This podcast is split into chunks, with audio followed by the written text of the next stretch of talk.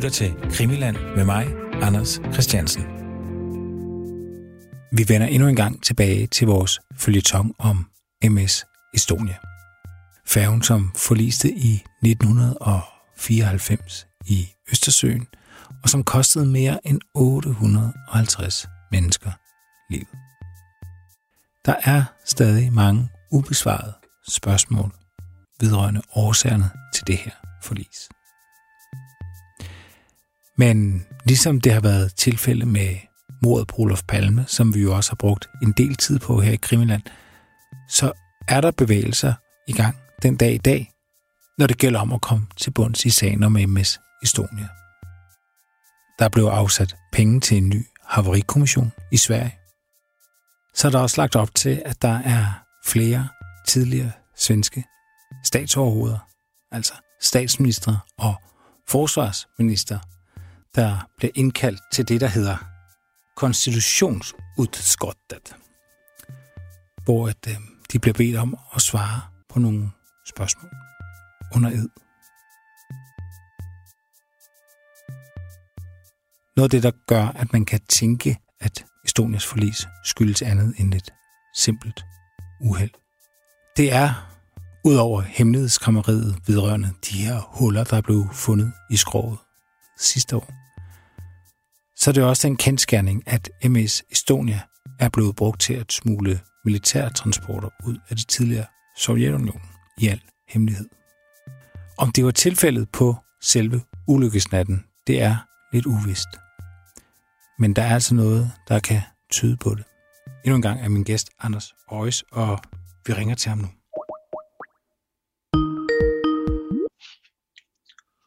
Anders? Hej Anders. Estonia, Estonia. Uh, mayday, mayday. Estonia, Silja Europa. Are you uh, flying, uh, calling Mayday? Estonia, what's going on? Can you reply? Uh, this is Estonia. Uh, uh. En bil och passagerarfärja med 867 personer ombord har sjunkit söder om finska Utö. Den svensk-estniska färjan Estonia var på väg från Tallinn till Stockholm när den vid halv ett-tiden i natt slog runt i det hårda vädret.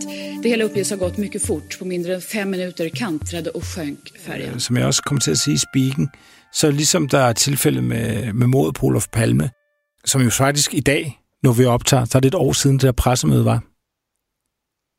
Ja, det er da rigtigt. Tiden går. Øh, den, den store fiasko, som jeg kan se, den bliver omtalt øh, flere steder. Øh, men det var alligevel en sag, der jo så øh, officielt var aktiv i, hvad, 34 år. Så, så er der altså også bevægelser i gang, øh, når, det, når det gælder MS Estonia. Ja. Øhm, dels så kan jeg se, at øh, der blev afsat penge til, til en ny havarikommission, der skal lave nogle dykninger i foråret 2022, hvor ja. De skal ned og kigge på, øhm, på skroget, og det er selvfølgelig efter øh, den her dokumentarfilm, vi har nævnt øh, så mange gange, hvor man jo har filmet nogle, nogle huller, man ikke tidligere har kendt til. Ja, man er så fornuftig, så man gør det ikke i december måned, ligesom man gjorde i 94, hvor vejret er dårligt, og vandet er koldt, og sigtbarheden kan være dårlig og den slags ting. Ja. Øhm, så, så det er jo det er jo i hvert fald nogle, nogle nye ting, der er på vej. Og så skal du også hjælpe mig her, fordi du er jo øh, så kyndig ud i, øh, i, i svensk politik og det svenske, den svenske rigsdag. Der er noget, der hedder konstitutionsudskottet. Ja. Øhm, hvad, hvad er det? Ja, men altså, øh, den første stavelse i ordet kan de fleste nok oversætte, altså konstitution, forfatning, og så utskott, det her lidt svenske, øh, specielle svenske ord, som, hvis vi skal, sådan skal være lidt etymologisk, er lånt fra tysk Ausschuss, men som vi på dansk kalder for udvalg. Altså det er ligesom et stående udvalg i Folketinget. Altså Folketingets arbejde er inddelt i øh, efter nogle, hvad skal vi kalde dem, politikområder. Der er et finansudvalg og udenrigspolitisk nævn og arbejdsmarkedsudvalg og hvad de ikke hedder alle sammen. Så det er et sagkyndigt udvalg under den svenske rigsdag. Mm. Og lig, ligesom, øh, hvad hedder det, øh, øh, hvad hedder det, omtrent ligesom det udenrigspolitiske nævn, som er sådan et, altså det, det danske folketing skal have et udenrigspolitisk nævn. Det er fastsat ved lov. Så er det det samme efter regeringsformen.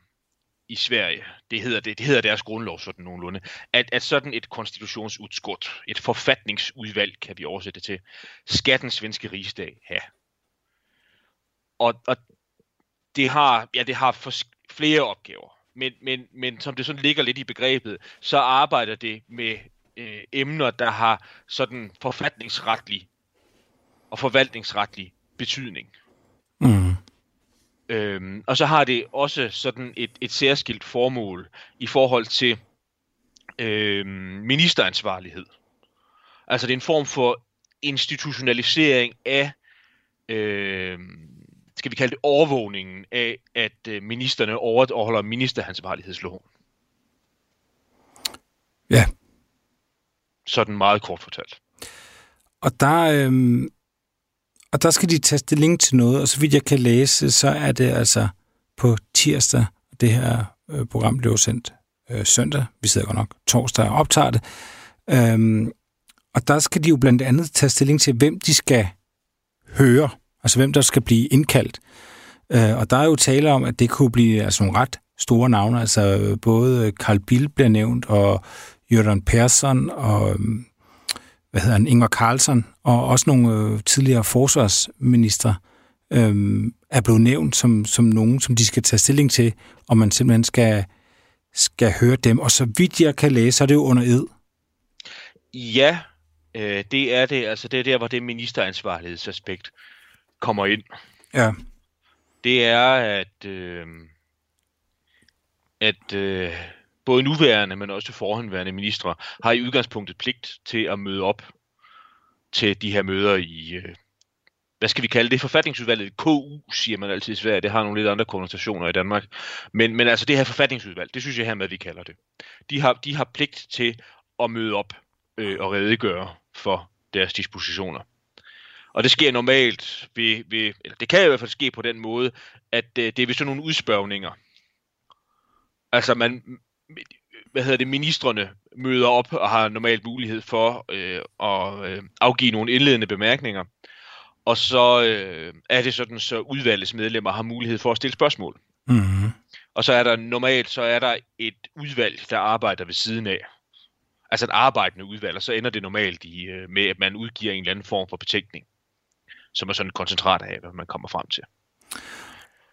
Og øh, på, øh, øh, den svenske avis Expressens øh, hjemmeside, der kan man øh, læse et debatindlæg af Lars Ungstrøm, som vi jo fik nævnt i øh, det forrige afsnit om Estonia, som er den her, det tidligere medlem af, af Rigsdagen, som jo er en af dem, der i alle årene har kæmpet øh, en, en hård kamp for at, at, at få nye oplysninger øh, omkring MS Estonia og blive ved med at, at, ja, at ruske i magthaverne og sige, nu må I simpelthen øh, undersøge det bedre.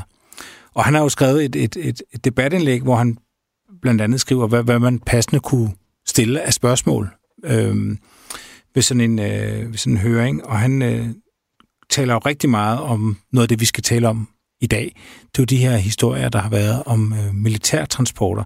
Og han ønsker så meget, at øh, øh, Johan Hirsfeldt, han bliver, øh, at han bliver for eksempel øh, afhørt. Hvem, hvem er han? Han, han var, øh, hvad hedder det, eller jeg ved faktisk ikke, om han er det endnu. Han var, han var dommer, så vidt jeg husker, ved den svenske højesteret. Øh, vi omtaler ham i det afsnit, der er om selve våbentransporterne. Og den, den øh, svenske regering bad om at efterforske de oplysninger om militærtransporter, der kom frem for en 15 år siden. Mm.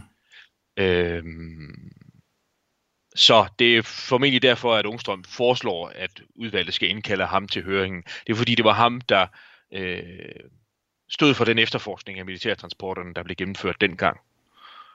Og ja. der er nok også en del, der tyder på, at, øh, at en del af hans materiale, det skal findes i hans hukommelse, fordi som vi kort var inde på i afsnittet, så var det jo sådan, så han gjorde alt sit efterforskningsmateriale. Efter hvad han sagde i hvert fald. Ja, og, og, og så, øh, så vidt jeg kan læse her, så blev han jo også efterfølgende direkte modsagt øhm, i, i noget af det, han sagde i, i rapporten, af, at, at dem, der hedder, hvad er det, ØB? Ja, det er øh, den øverst kommanderende betyder det sådan i forkortelsesform. Den øverste, øverst kommanderende for den svenske her. Ja, øh, det som... som Øverbefälhavaren. øh, Johan Hirschfeldt, han, han sagde jo, at, at der havde været de her transporter den 14. og 20. september, og det var præcis de to transporter, som Lars Bornes jo også havde gravet frem, journalisten Lars Bornes havde gravet frem, og han skulle undersøge det, og han fandt ud af, at der havde været de to transporter, som jo så allerede var kendt, og han sagde så, at de var blevet gennemført af forsvarsmagten, øh, altså forsvaret, og det havde, blev faktisk afvist af, af forsvaret. Så derfor siger øh, Lars Ungstrøm i det her debatindlæg, at det kunne jo passende at prøve at finde ud af, hvem er det, der egentlig taler usandt her. Øhm, og han gætter sig på, at det er øh, Johan Hirsfeldt, der taler usandt. Ja, det bliver meget spændende, øh, hvordan og hvorledes det kommer til at forløbe. Altså, hvis vi lige skal tage en kort digression, så var det jo sådan, at øh, palmemordet kom det her øh, forfatningsudvalg til at spille en ret afgørende rolle i forbindelse med Ebbe Carlson-affæren. Altså den her parallel efterforskning, uofficielle parallel efterforskning, der var af mordet, som jo endte i en større skandale, øh, som kom til at dreje sig om øh, justitsministeren og i sidste instans også stats- statsministeren, altså på det tidspunkt Anna-Greta Leijon, og faktisk også Ingvar Carlson dengang. Øh, og i øvrigt også flere andre minister. Og det endte jo i sådan nogle øh, høringer, der blev sendt i fjernsynet, hvor øh, sådan den svenske regerings praksis i forbindelse med sådan nogle følsomme anlægner blev, blev, blev sendt ud i bedste sendetid. Og det bliver da spændende, om, om det kommer til at være det samme med Estonias forlis. Altså, hvor meget der kommer frem i den mm. forbindelse. Ja, og det, det, kan, det kan vi blive klogere på allerede på, på tirsdag, som sagt. Og endnu en gang, Anders, så er det altså lykkedes os at finde en gammel sag, som nærmest mens vi laver det, bliver, bliver højaktuelt. Det må man sige. Vi har sans for timing. ja, ellers er vi bare nogle, nogle, nogle heldige asener. Ja. Øhm, men, øh, men apropos, altså det, som, øh, som Lars Ungstrøm øh, taler om her øh, i debatindlægget, som han rigtig gerne ser undersøgt nærmere, udover selvfølgelig øh, selve øh, skrovets øh, øh, tilstand og, og, og eventuelle huller osv., så, så er det jo øh, blandt andet øh, de her militærtransporter og de historier, der har været om det. Og det er også noget, vi skal, vi skal tale om i dag. Ja, det var tanken, vi skulle tale lidt om, øh, om hvad der befandt sig på Estonias bildæk. Lasten sådan generelt ombord. Altså, hvad medførte Estonia den, øh, den nat, færgen forliste? Øh, og det er jo også, synes jeg, interessant øh, på baggrund af nogle andre aspekter.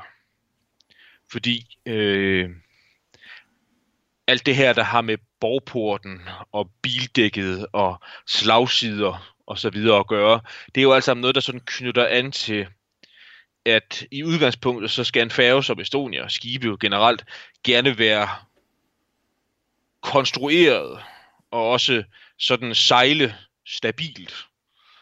Altså det vil, det vil sige sådan meget forenklet sagt, ligge ret i vandet. Altså sådan i lægmandstermer, så øh, er det jo sådan, at når man øh, sætter et skib i søen og sejler med det, så bliver det påvirket af en masse forskellige kræfter. Og der er nok også, tror jeg, jeg skal gerne understrege, jeg er jo ikke ingeniør, slet ikke skibsingeniør.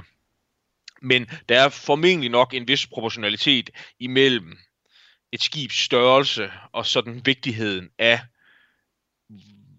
de overvejelser, man gør sig om et skibs stabilitet. Altså Estonia var 155 meter langt og vejede sådan alt i alt velvoksne 15.000 ton. Mm. Og sådan et skib bliver jo øh, påvirket af og er følsom over for de her store kræfter og kan selv udøve en stor kraft også. Øh, og man så må sige, en færge som Estonias tilstand, jeg sidder og laver anførselstegn i luften, det kan man ikke se, men, men vægten afhænger jo også af, jamen der går passagerer ombord, mange passagerer ombord.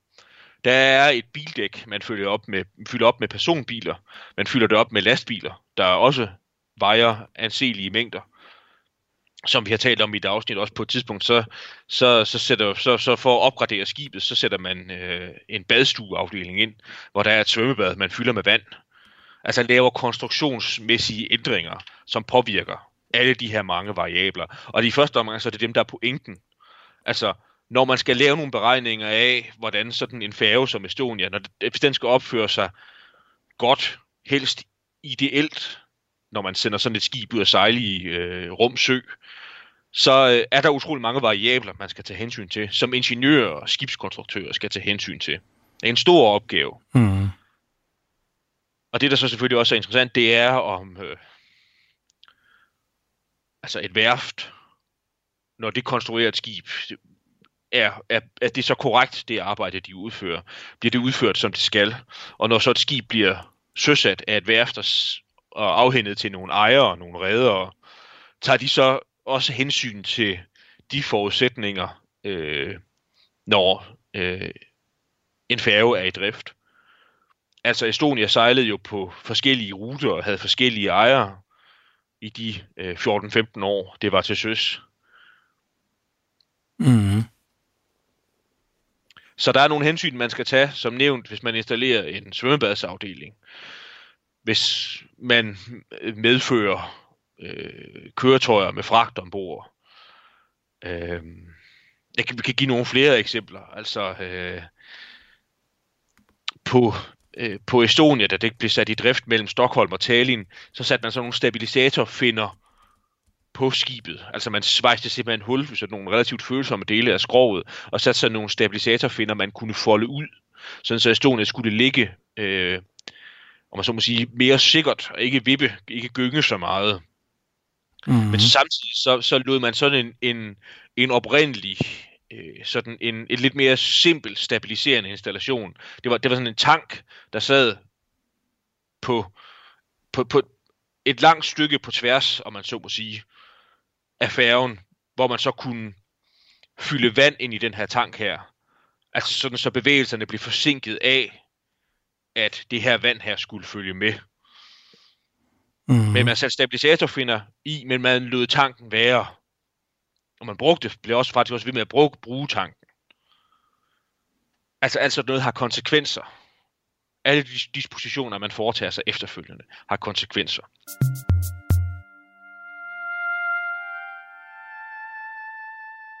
Altså i tilfældet Estonia, så i forhold til de her overvejelser, i forhold til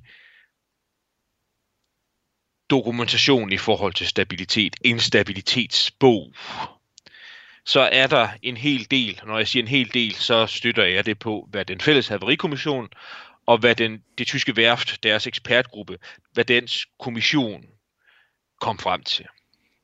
Og der er sådan en todelt konklusion. Og den ene, den tyder på, at man ikke lavede tilstrækkeligt med nye stabilitetsberegninger, efter at Estonia var blevet søsat. Det vil sige, at man ikke tog ikke hensyn til de konstruktionsmæssige ændringer, der blev foretaget. Så der rent faktisk ikke var nogen blandt besætningen, der havde mulighed for at blive bekendte med de her variablers påvirkning. Mm. Altså man lavede konstruktionsmæssige ændringer, og hvordan skulle man så forholde sig afhængig af last og vind og vejr? Man satsede apropos det, vi talte om lige før, altså det er ikke kun passagererne, men besætningen satsede også på, at rutinerne virkede. Man sejlede bare, for nu at sige det forenklet. Ja. Så er der gengæld også den mulighed, at der foregik sådan en øh, delvise beregninger af, at forudsætningerne havde ændret sig. Men at der ikke var nogen, der fulgte den jeg har skrevet i mine notater, sådan i anførselstegn, en eller anden form for vildet uvidenhed. Mm. Der foreslog rent faktisk noget dokumentation og nogle øh, procedurer, man skulle følge, men der var ikke nogen, der læste dem. Man sejlede bare. Ja. Jeg tror, Rasmus Dahlberg var inde på det i de rigtig gode afsnit, der var med ham. Altså det med, at, øh, at sådan brudte Øh, sådan, øh, hvis, hvis, man, hvis man bryder reglerne, så kan det hurtigt blive til sådan en praksis, fordi de bare er til besvær. Ja. Ja, altså det siger det næsten mere desværre reglen undtagelsen, at man sådan over tid jo slækker. Og du nævnte jo også selv øh, sidste gang, vi snakkede om den her dør, der, der stod åben, fordi at det var for besværligt at komme for nogle af kyhytterne ned i, øh, var det ikke netop øh, badeområdet? Øhm, og det var faktisk i, i, i de, øh, hvad hedder det, øh, altså på det nederste dæk under bildækket, de der, øh, hvad hedder det, køjerum, der var ja. dernede, hvor der var delte, øh, delt toilet og bad. Det var sådan, det var. Ja, der, der var ikke toilet og bad i hver af de her afdelinger her. De afdelinger, de var, netop fordi de var under bildækket, så var de adskilte. Det vil sige, under normale, hvis man havde overholdt reglerne, så skulle dem i afdelingerne, hvor der ikke var toilet og bad, gå op og ned i skibet for at komme derhen. Mm. Og det man så begyndte at gøre, det var at lade de vandtætte døre imellem de her afdelinger stå åbne til havs, så, man kunne gå de igennem. Ja. Så er der jo de overvejelser af, om det har nogen betydning på forlisnatten. Det her med, med lasten ombord, og om man tog hensyn til øh, de forudsætninger, der var for, at Estonia var stabilt. Og det har vi, der er sikkert flere, men vi har i hvert fald to, vores to sædvanlige hovedkilder til at blive klogere på det. Og den ene, det er jo den officielle haverikommission, den fælles haverikommission, nedsat af den svenske, finlandske og estiske regering, Mm. hvor man kan læse sådan, ikke for at være øh, på vagt fra begyndelsen, men altså, det optager en, en, en, en 30-40 sådan korte linjer i deres rapport. Der er til gengæld en, øh, synes jeg, øh, ret sådan god opgørelse af, hvordan et fartøjs sådan vægt rent faktisk akkumuleres, når man kører personbiler og lastbiler ind på et bildæk og bunkrer, altså fylder brændstof på, fylder vandtanke op og alt den slags. Altså hvor, hvor meget vægt sådan en kæmpe færge rent faktisk akkumulerer. Mm. Så i hundreder og i tusinder af ton vægten forøges med. Men ellers så er den fælles haverikommission ikke sådan ret grundig i dens gennemgang af de her aspekter. Jeg har taget mig den frihed at pille sådan en enkelt, øh, lidt speciel form for argumentationsform ud. Fordi noget af det, der jo blev overvejet meget, også i forlængelse af, at vi fed, ved, at Estonia fik den her slagside her, det var om øh, køretøjerne på bildækket, om de var øh, fastgjorte, surede, kalder man det vist med sådan lidt mere maritimt præget udtryk. Altså når man kørte personbiler og lastbiler ombord, så skulle man sikre sig, at øh, køretøjerne ikke øh, kunne, kunne øh, hvad hedder det, hvad skal vi kalde det, kure eller ramle omkring på bildækket. Altså det er jo sådan noget, man kunne gøre med, med kiler eller spændebånd, trosser og alt den slags ting, hvad man nu havde til rådighed. Og så står der øh, i øh, den fælles haverikommissions rapport, så står der, at overstyrmanden, altså ham, der havde hvad skal vi kalde det, superviseret lastningen øh, på forlis aftenen, forlis natten, inden man sejlede afsted, havde givet instruktioner om, at man skulle foretage sådan en grundig suring af køretøjerne på bildækket på grund af vejret. Mm. Altså der står, at han havde givet instruktioner om det. Men der står ikke, om det skete. Altså hvis man tager ord for pålyden, og det skal man jo gøre nogle gange, så står der, at der blev afgivet nogle instruktioner. Men der står ikke noget om, om de blev fuldt. Nej. Og det kunne man jo, i hvert fald ved vi, det kunne man have øh, belagt med nogle øh, udsagn fra de overlevende. Fordi det der er der jo andre, der har gjort. Ja. Fordi det er faktisk, synes jeg, det der er at sige om den fælles haverikommissions øh, betragtninger om last og stabilitet. Hvorimod at værftets ekspertgruppe, altså det tyske værft, den tyske kommission, vi kan kalde det sådan lidt af hvert, beskæftiger sig en hel del med det her aspekt. Og gør det på en, øh, i mine øjne, mere grundig og sådan en øh, langt mere øh, informativt og langt mere analyserende. Altså, det er øh, sådan meget fin systematik. Ekspertgruppen begynder, begynder med begyndelsen, og hvem der begynder. Altså, Estonia skal afsejle cirka kl. 19, det er den 27. september om aftenen fra Tallinn. Der står, at, at lastningen bliver påbegyndt kl. 17. Der står, hvem der er til stede. Det er øh, anden styrmanden, og så så en, en håndfuld matroser, der også er til stede. der står systematisk, hvordan der det foregik. Altså Estonias bildæk kunne deles med sådan et hæve-sænkedæk, så der var plads til lastbiler, der fyldte to dæk, hvorimod man så kunne fylde personbiler på to dæk. Men det brugte man ikke, de hæve-sænkedæk. Altså man fordelte lastbilerne og personbilerne mm. på et dæk. Og så er der det her spørgsmål, hvor den fælles haverikommission bare refererer instrukserne, men hvor den tyske ekspertgruppe rent faktisk undersøger, om man bruger kiler og spændebånd og så videre til at fastgøre køretøjerne ombord. Og det, det, der er den alternative mulighed, det er at forlade sig på passagererne. Altså hvis man skal forestille sig, i hvert fald hvad jeg selv vil gøre, hvis jeg skulle køre en bil ombord på et bildæk, det er, at jeg vil øh, øh, parkere den sådan lige, ikke skævt, og så når jeg stiger ud af bilen, så vil jeg være sikker på, at jeg har sat bilen i gear og trukket håndbremsen. Yes. Det er sådan lægemands fornuft. Og det er det, der er spørgsmålet. Det er, om man om Estonias besætning forlader sig på, at øh, både, øh, både passagerer, der er afsted i personbiler, og også lastbilchauffører, der er afsted i lastvogne, om det er det, de gør. Mm.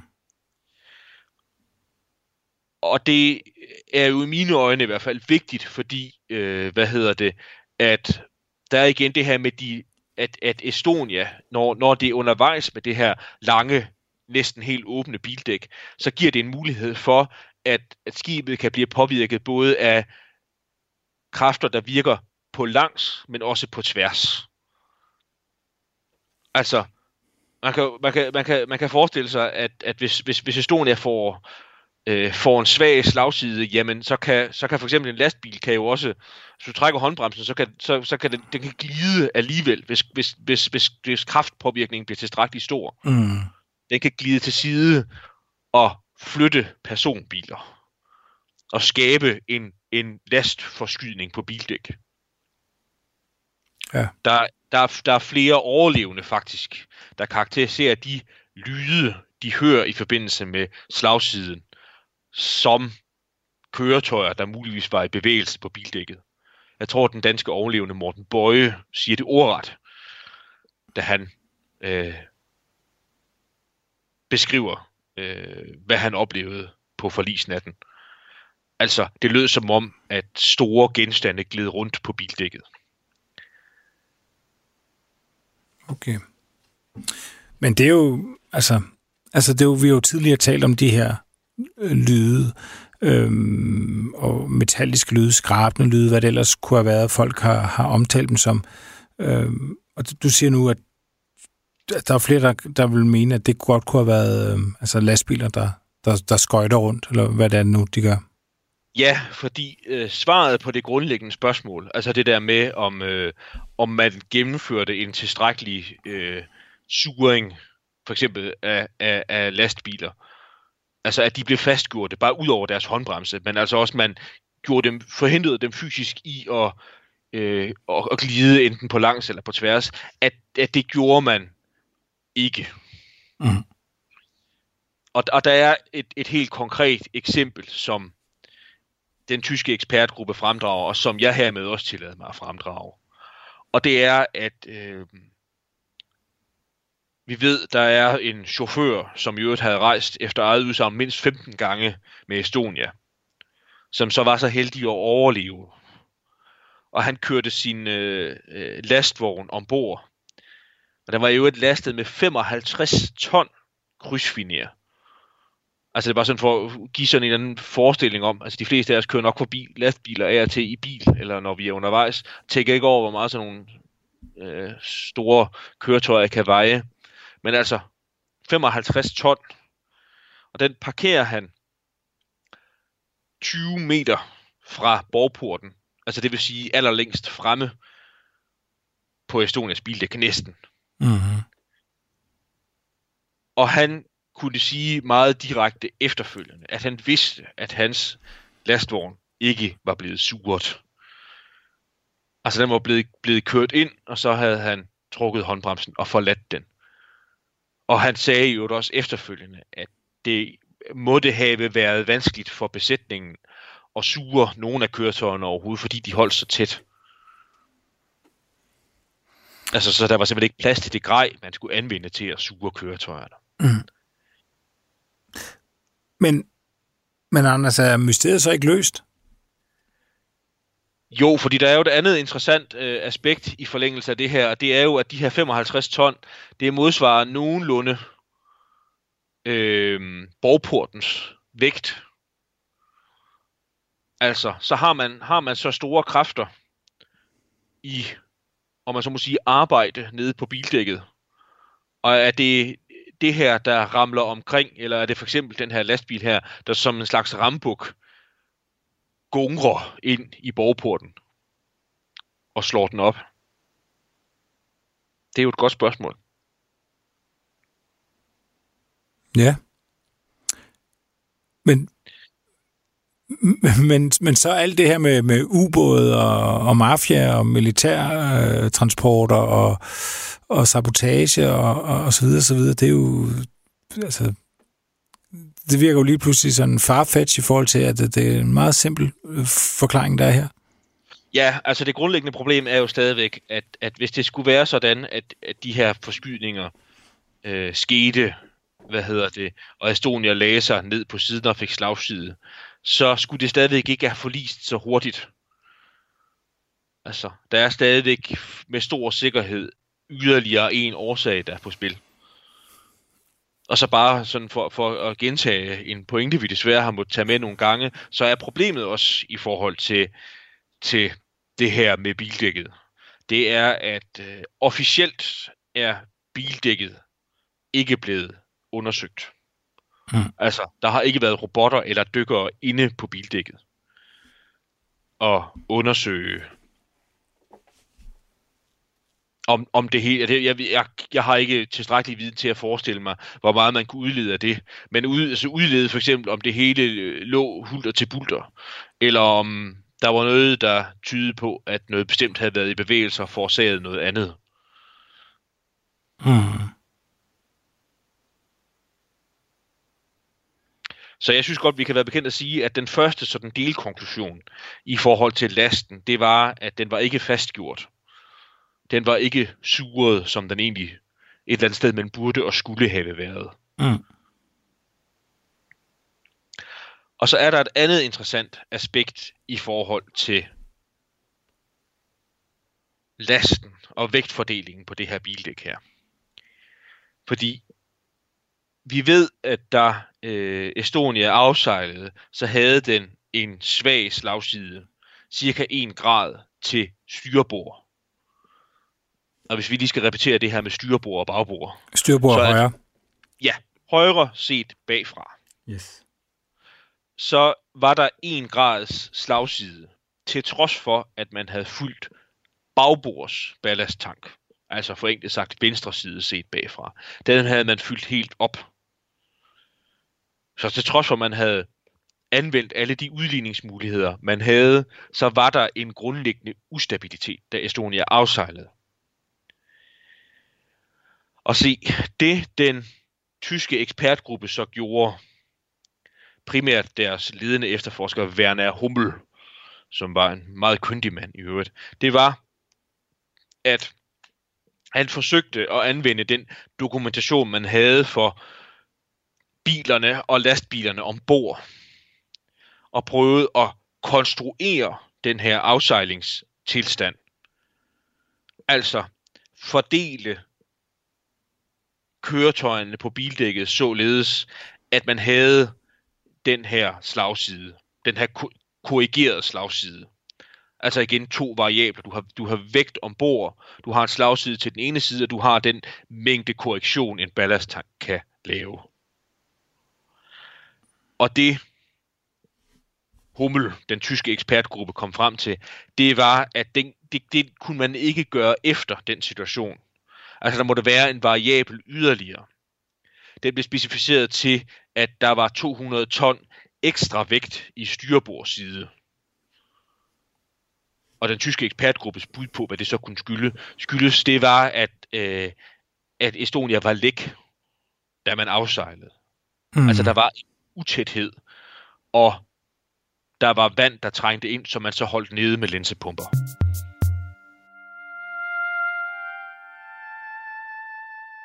Og se, så er der noget særligt interessant sådan til afslutning i forhold til det her med lastvogne, fragtvogne, fragten ombord, og det her med kendte og ubekendte faktorer, og vidste man alt om de lastbiler, der var kørt ombord, eller ej, og kunne en del af den her skævhed her skyldes, at der var noget af dokumentation, der ikke stemte helt overens. Og det man i første omgang havde til rådighed for at se på lastbilerne, det var, det hedder Freight Manifest. Jeg ved faktisk ikke, hvad, det, hvad, man kalder det på dansk. Altså man kan kalde det dokumentation af fragten ombord. Mm. Og der havde man en opgørelse, der var sendt afsted med telefax 20 minutter efter, at Estonia afsejlede. Altså det, man sådan må kalde den sådan umiddelbare opgørelse af, af, af, af lastvognen ombord. Udarbejdet ud fra den forudsætning af, hvis vi lige skal skyde den pointe ind, at øh, ingen vidste, hvad der kunne ske senere. Nej. Altså, så den var lavet ud fra den forudsætning, vi skal sige det i klart sprog, at Estonia ville anløbe Stockholm som normalt morgenen efter. Ja. Og i det her Freight Manifest, den her fragtdokumentation, fremgik der 38 lastvogne. Og hvis man ser dokumentet i dag, øh, man kan finde det, det ligger blandt, blandt bilagene til den tyske ekspertgruppes rapport. Men man kan finde den her fragtdokumentation med de her 38 lastvogne, og de ligger så nydeligt nummereret, men der mangler to. Hvor er 43744, og hvor er 43749? Ja. Der er lastvogne på begge sider af de to, men lige præcis de to, de mangler. Ja, der er to huller simpelthen i, øh, i, i tallene der, talrækken her. Øhm, ja. Jamen, det er da et godt spørgsmål. Ja, det var, hvor, var der også en del, der kløede sig lidt over i skægget, hvor, hvor de to var blevet af. Var det nogen, der ikke var kommet ombord? Altså, var det nogen, man havde ventet, eller var det nogen, der var kørt i land igen, eller, eller, eller hvad var det mod? Faktum var i hvert fald, at de manglede. Og så skete der det, at øh, først nogle år efter forliset, det ikke lykkedes mig helt at finde ud af, hvem der var, der rent faktisk fremskaffede dem. Men blandt den tyske ekspertgruppes dokumenter findes der en 12-liste. Altså det vil sige ikke et offentliggjort dokument, i udgangspunktet i hvert fald. Altså den her fragtdokumentation, den har været offentligt tilgængelig, den øh, har man relativt hurtigt kunnet få fat på. Øh, i forbindelse med, at man begynder at undersøge forliset. Men 12-listen manglede. Mm. Dukket op senere. Og se, der er i hvert fald to lastbiler, som ikke fremgår af fragtdokumentationen, men fremgår af 12 dokumentation. Og den ene er en Scania lastvogn. Man kan se, det er en lettisk chauffør, der fører den og den anden er også en Scania, ført af en svensk chauffør. Og det man så også kan konkludere på den baggrund, det er, at de her lastvogne her, de øh, er ikke beskrevet i freight manifestet i fragtdokumentationen, og de er i hvert fald så også medført uden beregning. Altså, altså de har ikke betalt nogen færgebillet. Rederiet har ikke, har ikke har, har ikke øh, fået betaling for, at de to køretøjer de er ført med over. Og det er jo underligt. ja, det er da underligt. To Scania. Den ene ført af en lettisk chauffør, den anden er en svensk chauffør umiddelbart udokumenteret, og vi ved ikke noget om lasten. Altså i de fleste andres tilfælde, fordi det fremgår af, af, af fragtdokumentationen, så kan man se, hvad der er, øh, øh, hvad den bestemte lastbil medfører. Altså det er derfor, vi ved, at den her øh, lastvogn, vi talte om før, der var lastet med 55 ton krydsfiner.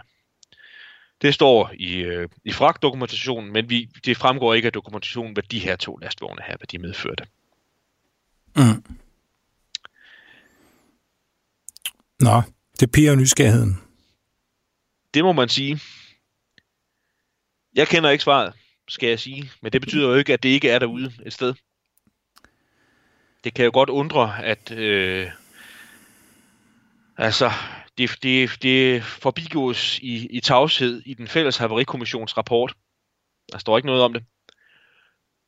Men øh, den, den tyske ekspertgruppe, som ellers nok havde rigeligt med kvalificerede og søfartskyndige folk, kunne ikke komme det nærmere. Men de refererede allerede øh, dengang, da de øh, udgav deres rapport, en, øh, en mulig konklusion, som der nok var mange, der var skeptiske over for, dengang, at øh, deres rapport blev udgivet, men som jo så i hvert fald er blevet bestyrket øh, af flere forhold senere hen. Fordi som vi var inde på i et særskilt afsnit, så ved vi jo i dag, at Estonia ved tidligere lejligheder tæt på forliset, den 14. og den 20. september, altså det vil sige cirka en uge og cirka 14 dage før forliset, havde militære transporter ombord. Mm. Og så ved vi jo også, i hvert fald med endnu større tydelighed i dag, at øh, der var nogle af de overlevende på, øh, på Estonia, som i forbindelse med, at de selv havde gået ombord, havde set nogle militært udseende transporter, nok snarere nogle militært sikrede transporter blive kørt ombord. Og to af de overlevende medvirker jo i Henrik Evertsons fremragende dokumentar, der blev vist på Dansk Fjernsyn øh, sidste år. Mm-hmm. Sara Hedrenius, øh, en ung kvinde først i 20'erne på det tidspunkt, da Estonia forliste, som gik op for, og umiddelbart op for, efter hun selv var kommet ombord, gik op på soldækket for at trække frisk luft og se ud over havneområdet, og så vidt jeg husker også, så, jeg kan ikke huske, om hun ville vinke til sin, jeg tror det er sin far, hun har haft med, står og kigger ud over havneområdet, og ser nogle transporter bliver kørt ombord militærlignende køretøjer. Og så er der øh, svensk-tyrkeren Karl Øveberg, som er lige ved at komme for sent, og har svært ved at komme frem, fordi han ankommer i sidste øjeblik, og har svært ved at komme frem, fordi området omkring øh, Estonia virker til at være afspærret og under en eller anden form for militær kontrol. Mm. Så vi har sådan nogle forskellige vidnesbyrd der peger i retning af, til jeg mig så at sige klart sprog, at alt sådan ikke er helt normalt med lastvognene på bildæk.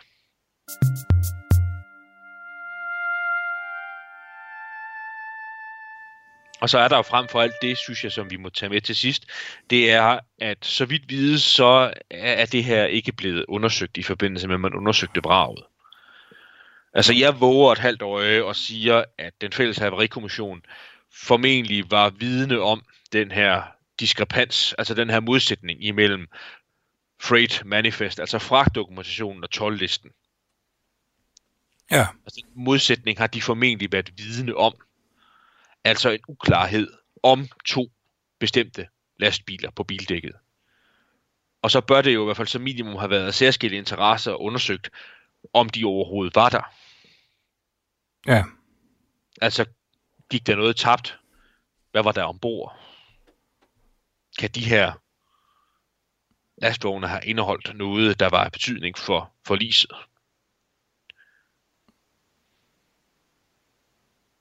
Ja. Det kan vi jo så også håbe på, at, øh, at de dykninger, der er blevet udlået til øh, foråret 2020, at de måske vil give et svar på. Foråret 2022? Ja, 22, undskyld, ja. Øh, ja, det må vi håbe på. Altså, øh, der er jo noget, der tyder på, at det bliver grebet anderledes had an den her gang. Øh, dyk, dykningerne øh, er sat til foråret 2022. Den her, øh, øh, og de her dykninger, de har, de har, de har lavet en lov, øh, eller en undtagelse øh, i rigsdagen, at det her, den her gravfred, øh, bliver ophævet for de her dykker, øh, robotter, øh, som det nok bliver, der skal ned og, og dykke der. Så, så, så de har også fået tilladelse nu til at gøre det øh, officielt. Øh, loven bliver faktisk øh, ændret fra 1. juli i år. Øhm, så, så ja, så, så der, der er jo grund til, øh, som du også har, har fremlagt her, der er, jo god, der er jo grund til at glæde sig til at, at se nogle af de her optagelser, for der er jo en masse spørgsmål, man godt vil have svar på. Ja, og så, så som sagt, altså jeg synes jo, noget af det, der også kan gøre, at man er forhåbningsfuld, det er, at de teknologiske forudsætninger har ændret sig så meget, som de har Ja. på det, der næsten bliver 28 år til næste år. Altså, med min viden om området, så må det være sådan, at øh, kamerateknologi, øh, robotteknologi har forbedret sig så meget, øh, og frem for alt også er blevet i har jeg snart sagt et omfang, altså en størrelse. Der må findes små undervandsrobotter, der kan trænge ind for eksempel på bildækket og give os nogle tydelige, klare billeder af, jamen, øh, hvad for nogle køretøjer står der? Kan vi finde ud af noget mere om de her to lastvogne, hvis mærke vi i øvrigt kender, altså to Scania på Estonias bildæk?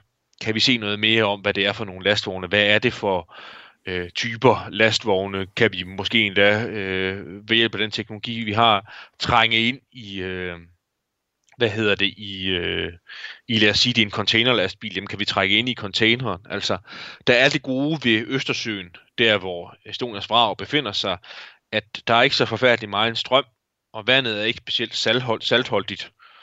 Altså, så det, der ligger dernede, det øh, holder sig egentlig rimelig godt under de givende forudsætninger. Mm. Så der er gode muligheder for at blive klogere i forhold til det.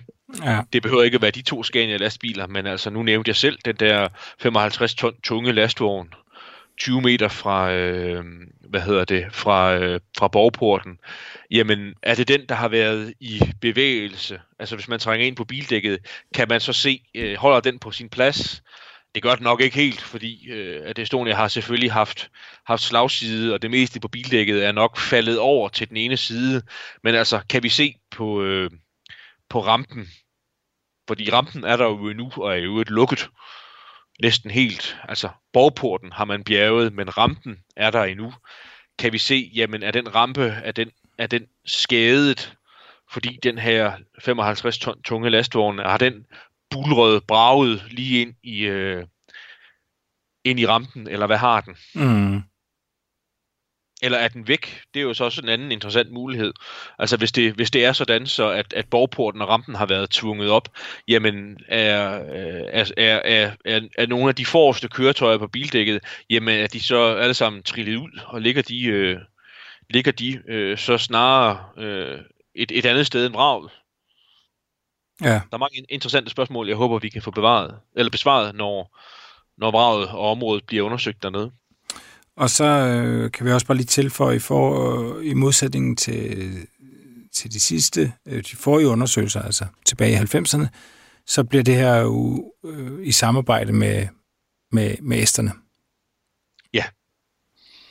Øhm, hvad forskel det så skal gøre, det ved jeg så ikke, men, øh, men så kan Sverige i hvert fald alene ikke øh, beslutte, hvad, hvad vi må se, hvad vi ikke må se.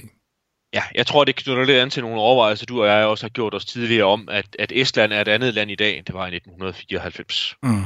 Altså det, dengang i 94 var det, var, var det et, et lille fattigt land, der først lige få år tidligere havde genvundet den frihed, det havde mistet tidligere. Men øh, i dag er øh, Estland jo et helt andet land. Det er et, et moderne, selvstændigt, vestligt, ret velstående land. Ja. Et mønstergyldigt liberalt demokrati, som, som ikke sådan på samme måde kan, kan få dikteret sine vilkår af andre. Estonia, what's going on? Can you reply? Uh, this is Estonia. Uh, uh, kuka se on siellä? Europa Estonia. Yes, Estonia, this is Kiliaro.